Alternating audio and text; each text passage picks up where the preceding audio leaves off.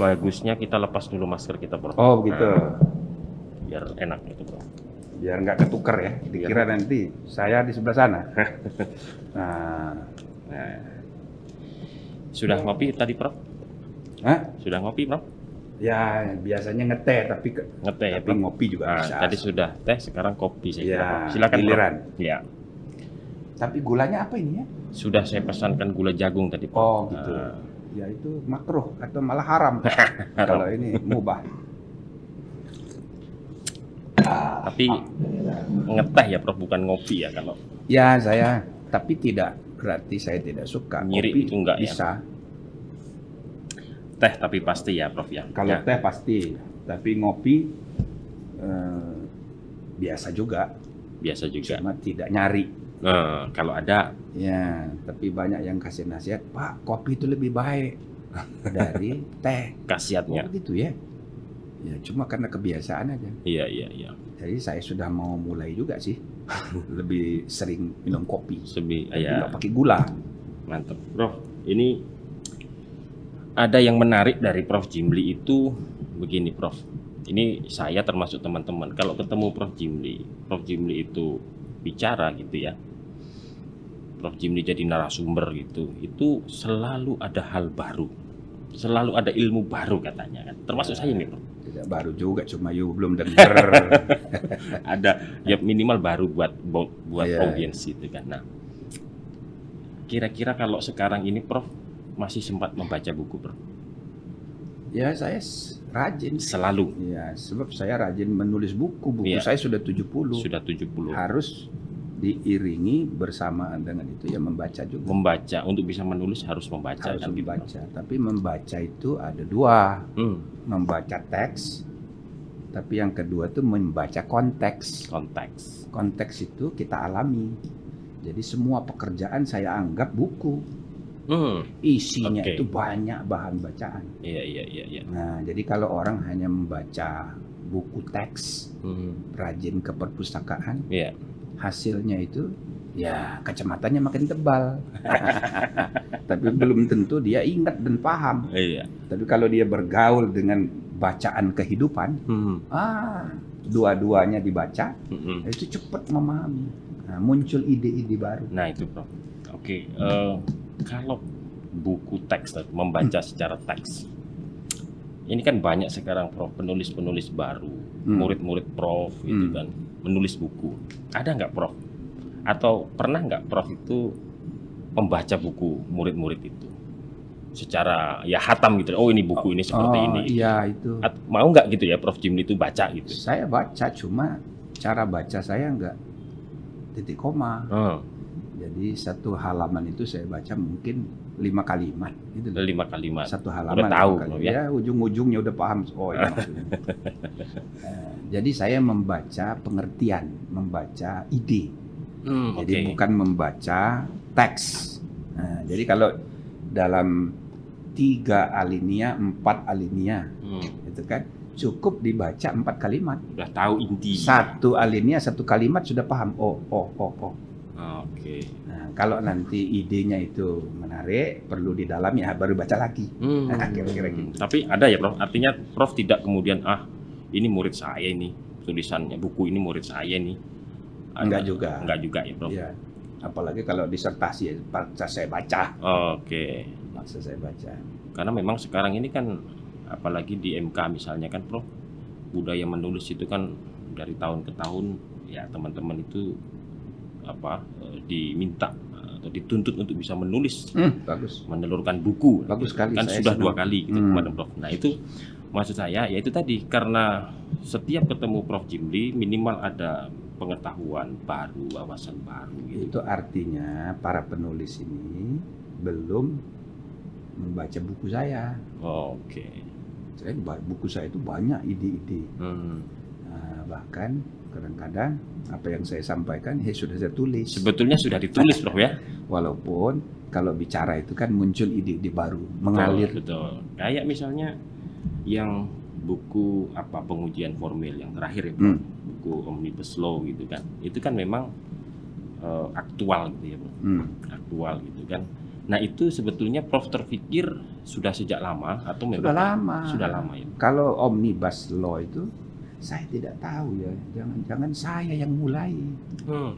Jadi saya sudah me- itu kalau kuliah-kuliah saya itu sudah sering.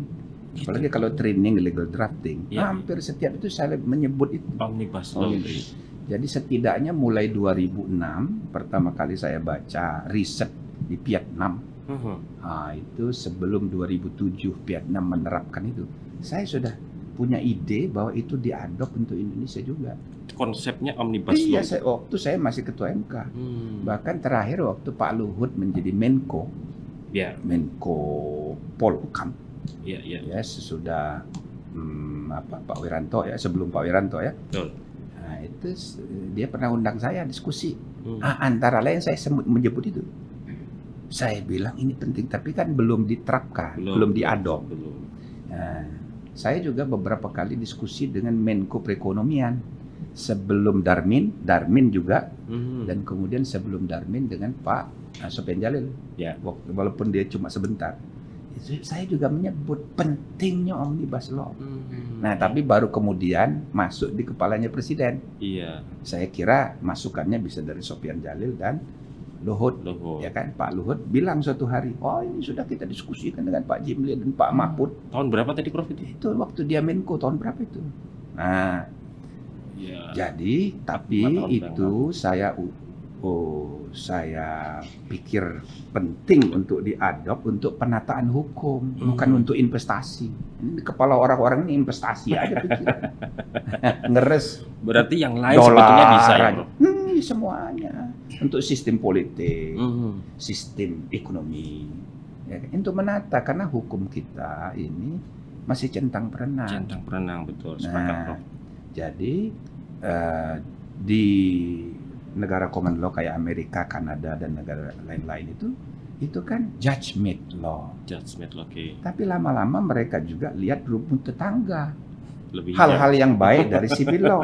Maka dia banyak membuat undang-undang sehingga 30 tahun terakhir produksi undang-undang di Amerika lebih banyak dari Jerman, Prancis dan Belanda. Why? Hmm, Karena di lingkungan negara-negara civil law, jumlah undang-undangnya sudah banyak. sudah banyak.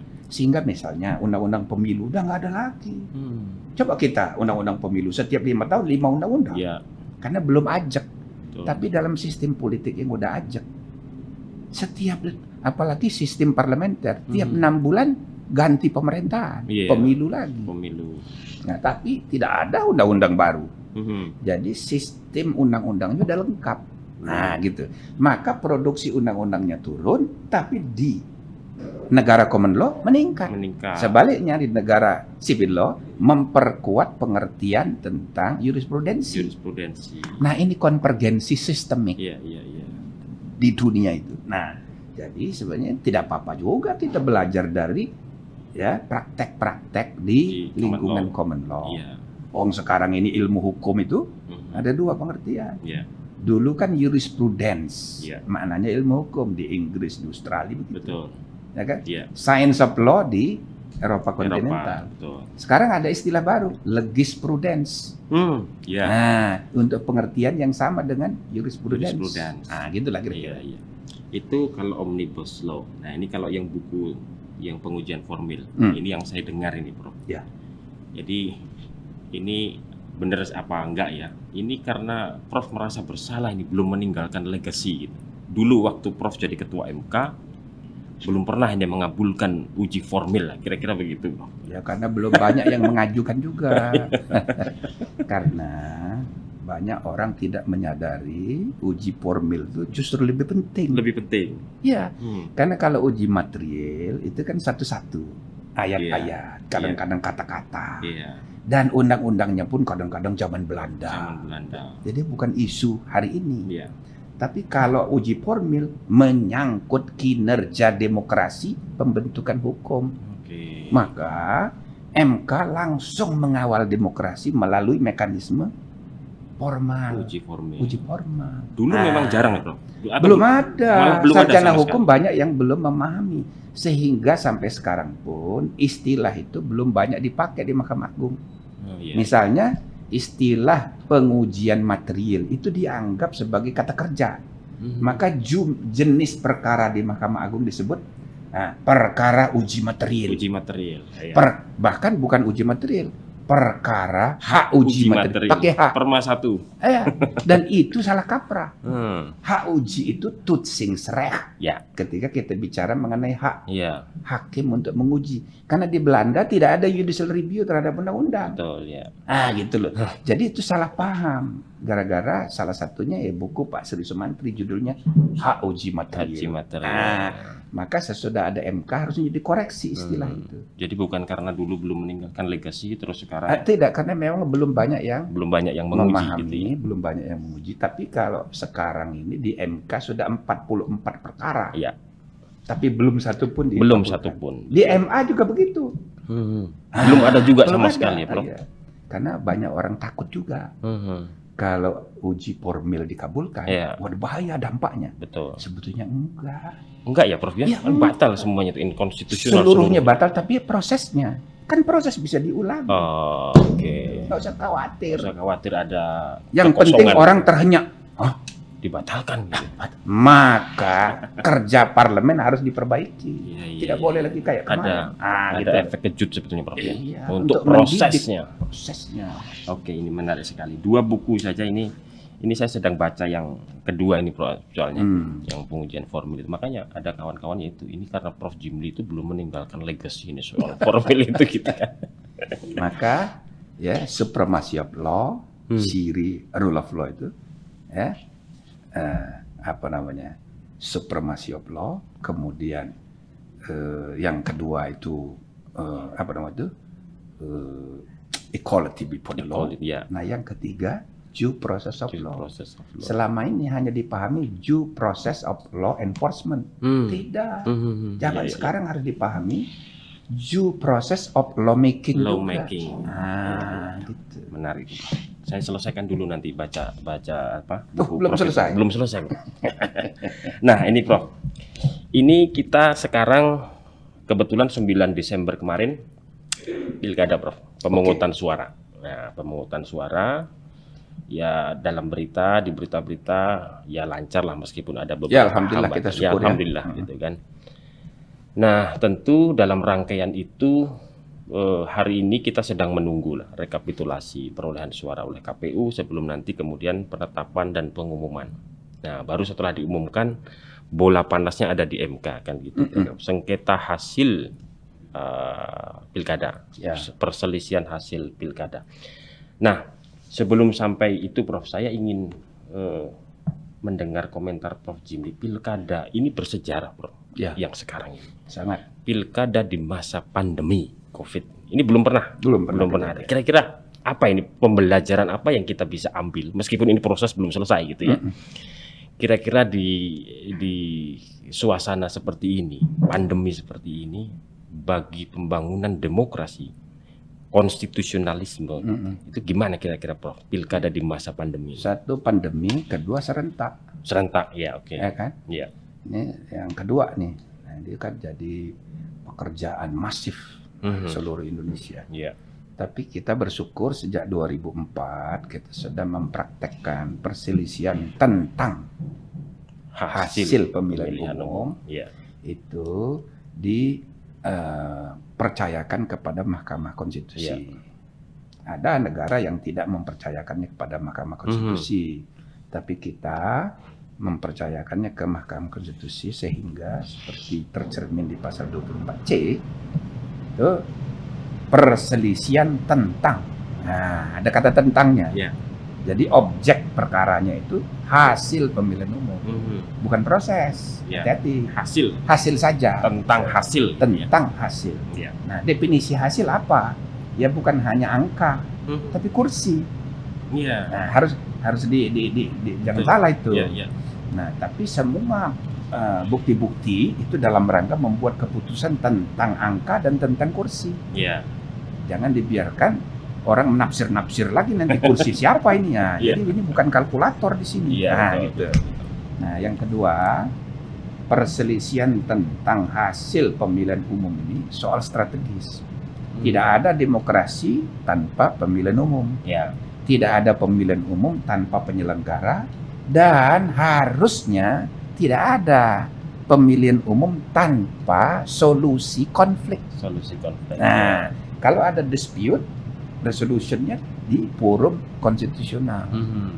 Nah, maka penting sekali arti MK itu MK, sebagai iya. forum Betul. untuk eh, mengontrol nafsu kekuasaan Mhm.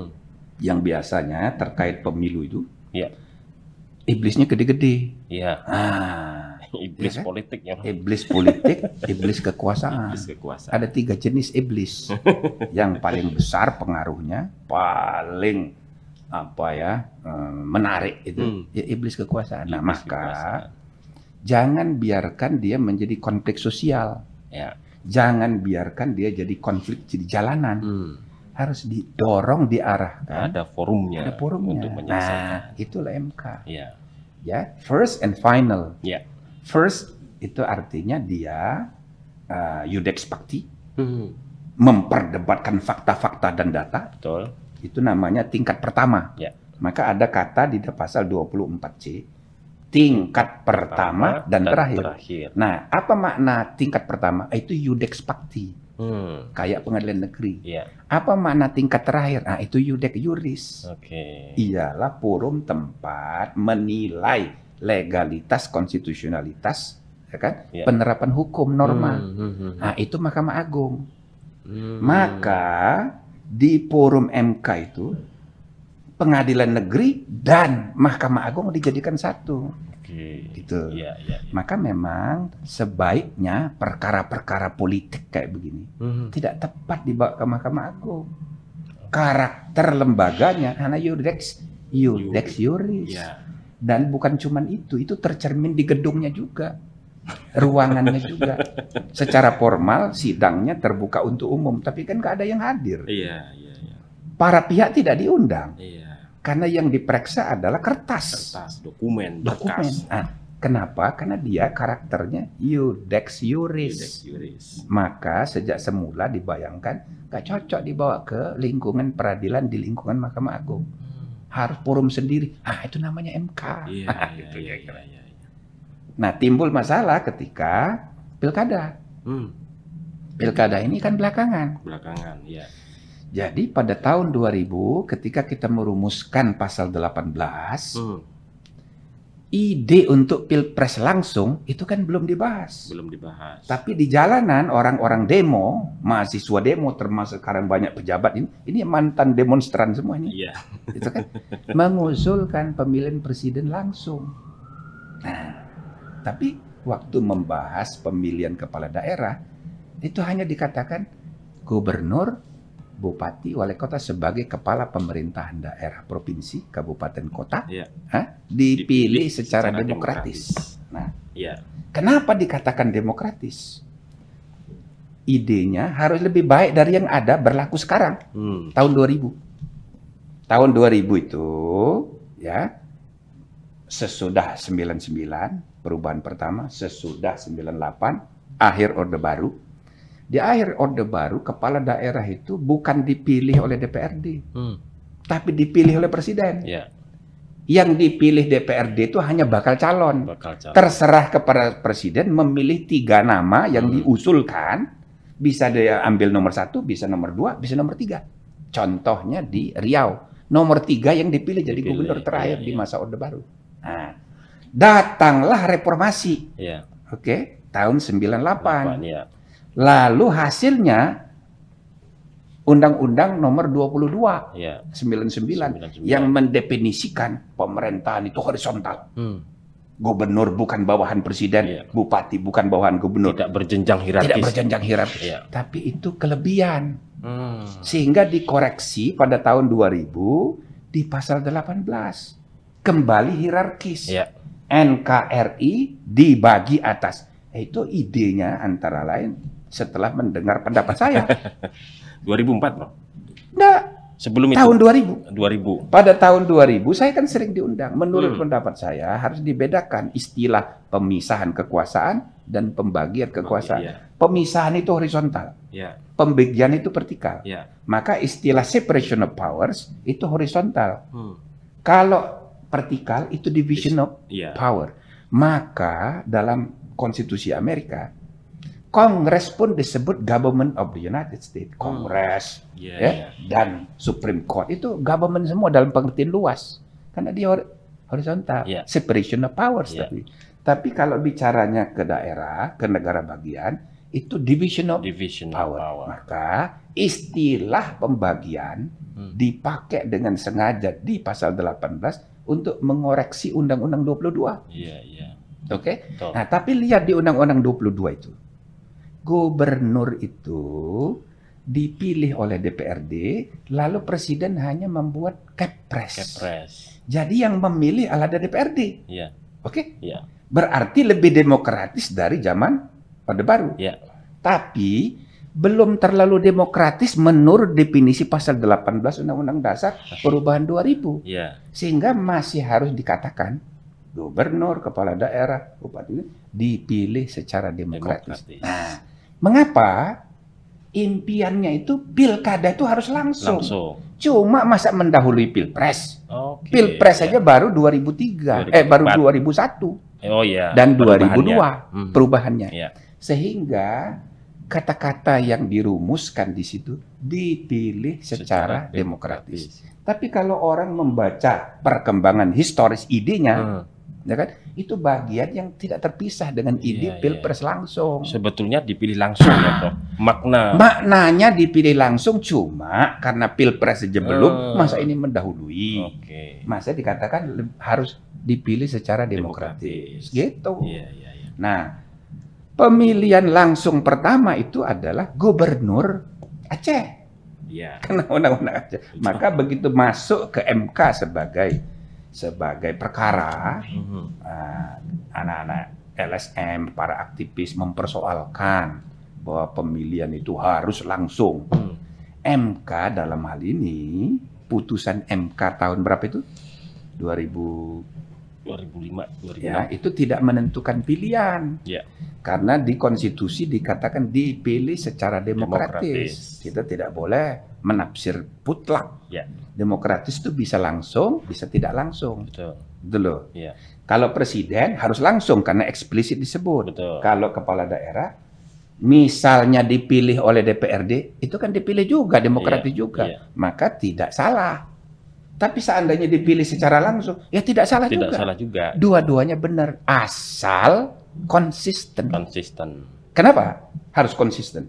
Sebab kalau dia didefinisikan sebagai pilkadanya harus langsung, Mhm. boleh silakan asal diatur di undang-undang. Tapi penyelenggaranya juga KPU. Juga KPU. Pemutus perselisihannya harus MK. Tapi kan dulu pernah, Nah. Prof ya. Dulu kan pernah eh, undang-undangnya mengembalikan untuk dipilih ke dipilih lagi oleh DPRD. Ya, Tapi itu mendapatkan apa? Mendapatkan resistensi, Resistensi, dari masyarakat. iya. Katanya kemunduran gitu. Kemunduran. Padahal itu itu sama-sama konstitusional gitu. sama-sama konstitusional. Nah, Hanya- itulah. Jadi rakyat yang sudah diberi hak untuk mengekspresikan kedaulatannya Hmm. melalui pemilihan langsung, kok mau diambil lagi oleh para Iya, wakil iya, gitu loh. Iya, iya, iya. Tapi seandainya itu jadi kebijakan legislatif, ya boleh aja. Tidak ada masalah gitu. ya. Konstitusional. Konstitusional. Tapi sekali lagi harus konsisten. Iya. Tidak boleh menyerahkan tanggung jawab penyelenggaraannya itu kepada KPU.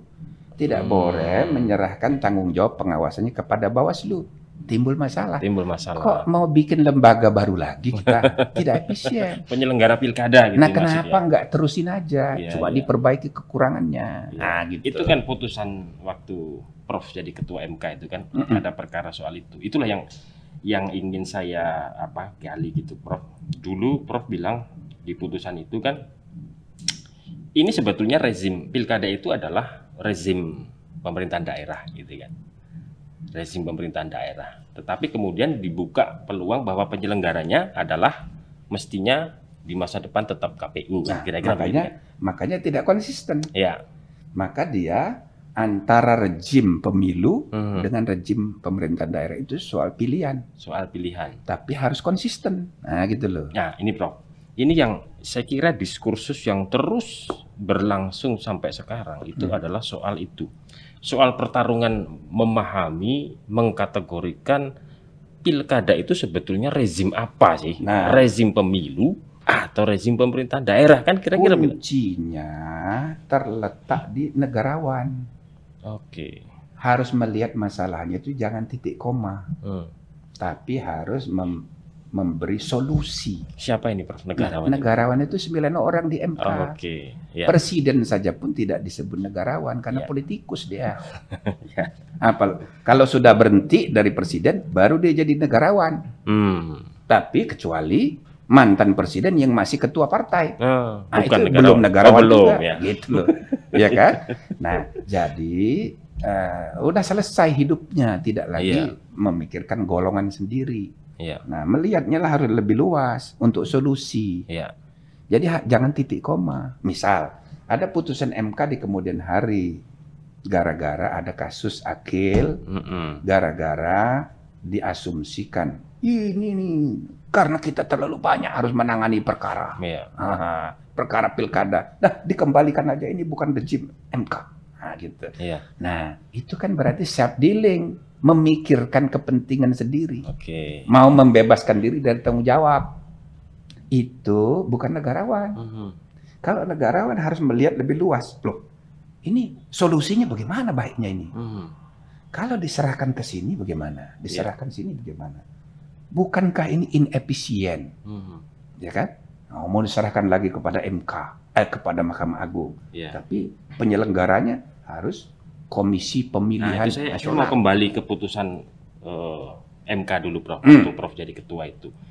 Rezim Pemda, gitu ya. Pilkada itu adalah rezim pemerintahan daerah, tapi penyelenggaranya tetap harusnya sebaiknya adalah KPU kan begitu. Oh tidak, Tapi- tidak boleh. Tapi itu kemudian ditindaklanjuti eh, apa namanya? Ada kalau dia rejim, rejim Pemda tidak boleh oleh KPU. tidak boleh oleh Tidak KPU. boleh oleh KPU. Oke. KPU itu lembaga nasional, Iya. lembaga konstitusional yang disebut di dalam Undang-Undang Dasar. Undang-undang dasar. Maka dulu ada istilah KPUD, Mhm. KPU daerah. Ya. Nah, lalu setiap uh, KPU itu diangkat oleh daerah, Ya. Ya kan? Ya. Dan itu bukan KPU yang dimaksud di pasal 18. Oke. Sebab KPU itu adalah lembaga yang bersifat nasional, Nasional. tetap mandiri. Iya. Bersifat nasional artinya dia bukan instrumen pemerintahan daerah. Mhm. Tetap artinya itu permanen, selalu harus ada. Mandiri artinya dia independen sebagai cabang Mhm. sendiri Iya. di luar eksekutif, legislatif, yudikatif. Iya. Kenapa?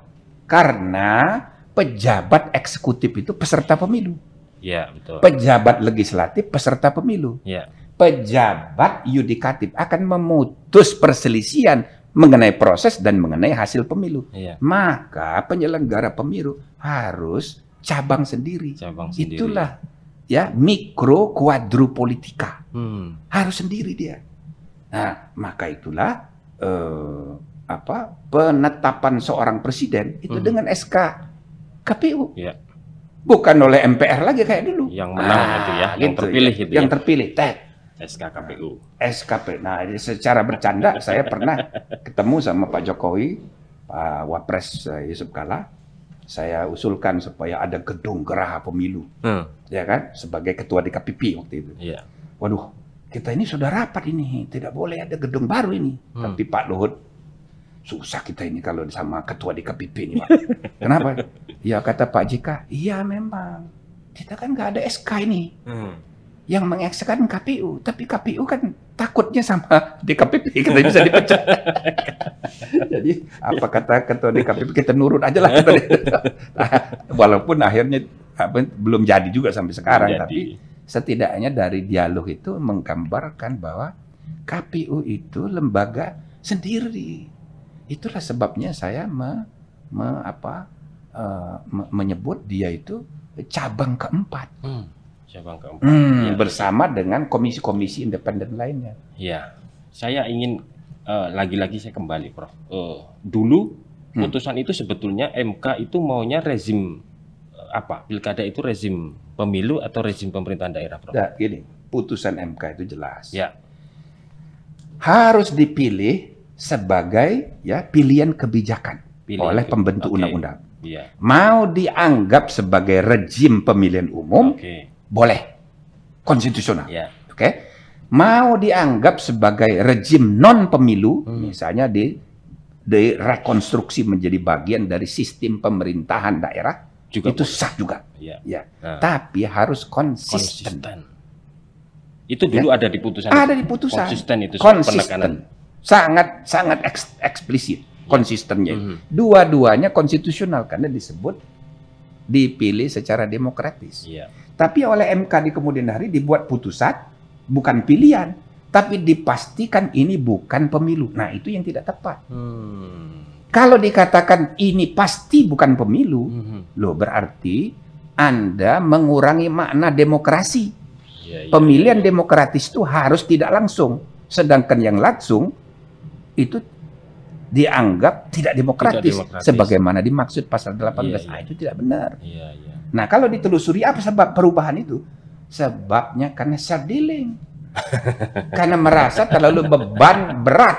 Padahal sering saya ku, anu, eh, kuantitas perkara di MK Republik Indonesia Mhm. terlewat sedikit, Lewat sedikit ya. terlalu sedikit dibandingkan Dibandingkan. dengan MK Jerman, Iya. Mahkamah Agung Amerika 10.000 per tahun Iya. dengan 9 hakim. Iya.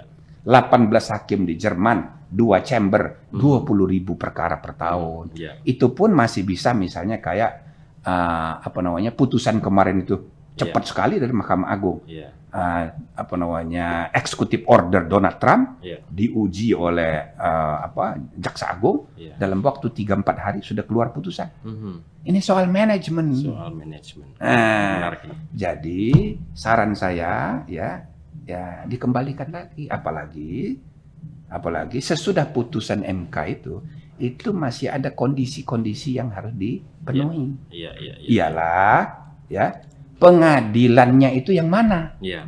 Nah, harus dibikin undang-undang dulu membentuk pengadilan. Teman-teman, Oke. Ya kan? Iya. Makanya masih lama. Maka untuk sementara MK masih memutus perkara pilkada Mhm. untuk sementara waktu Sementara. sampai ada Iya, persis, Bro. Nah, maka berarti sekarang ini ada sesuatu yang inkonstitusional yang terpaksa Mhm. untuk sementara dikerjakan oleh MK. Iya, iya, iya. Nah, Ini ini ini yang menarik, Prof. Mm-mm. Di ada putusan MK yang kemudian menjadi apa ya? eh, menjadi semacam garis demarkasi. Ya, Ini semula adalah rezim eh, pemilu. Ya, Hmm. pilkada itu rezim pemilu. Ya, putusan 97 2014 zamannya Pak ketuanya Pak Hamdan ya. ya.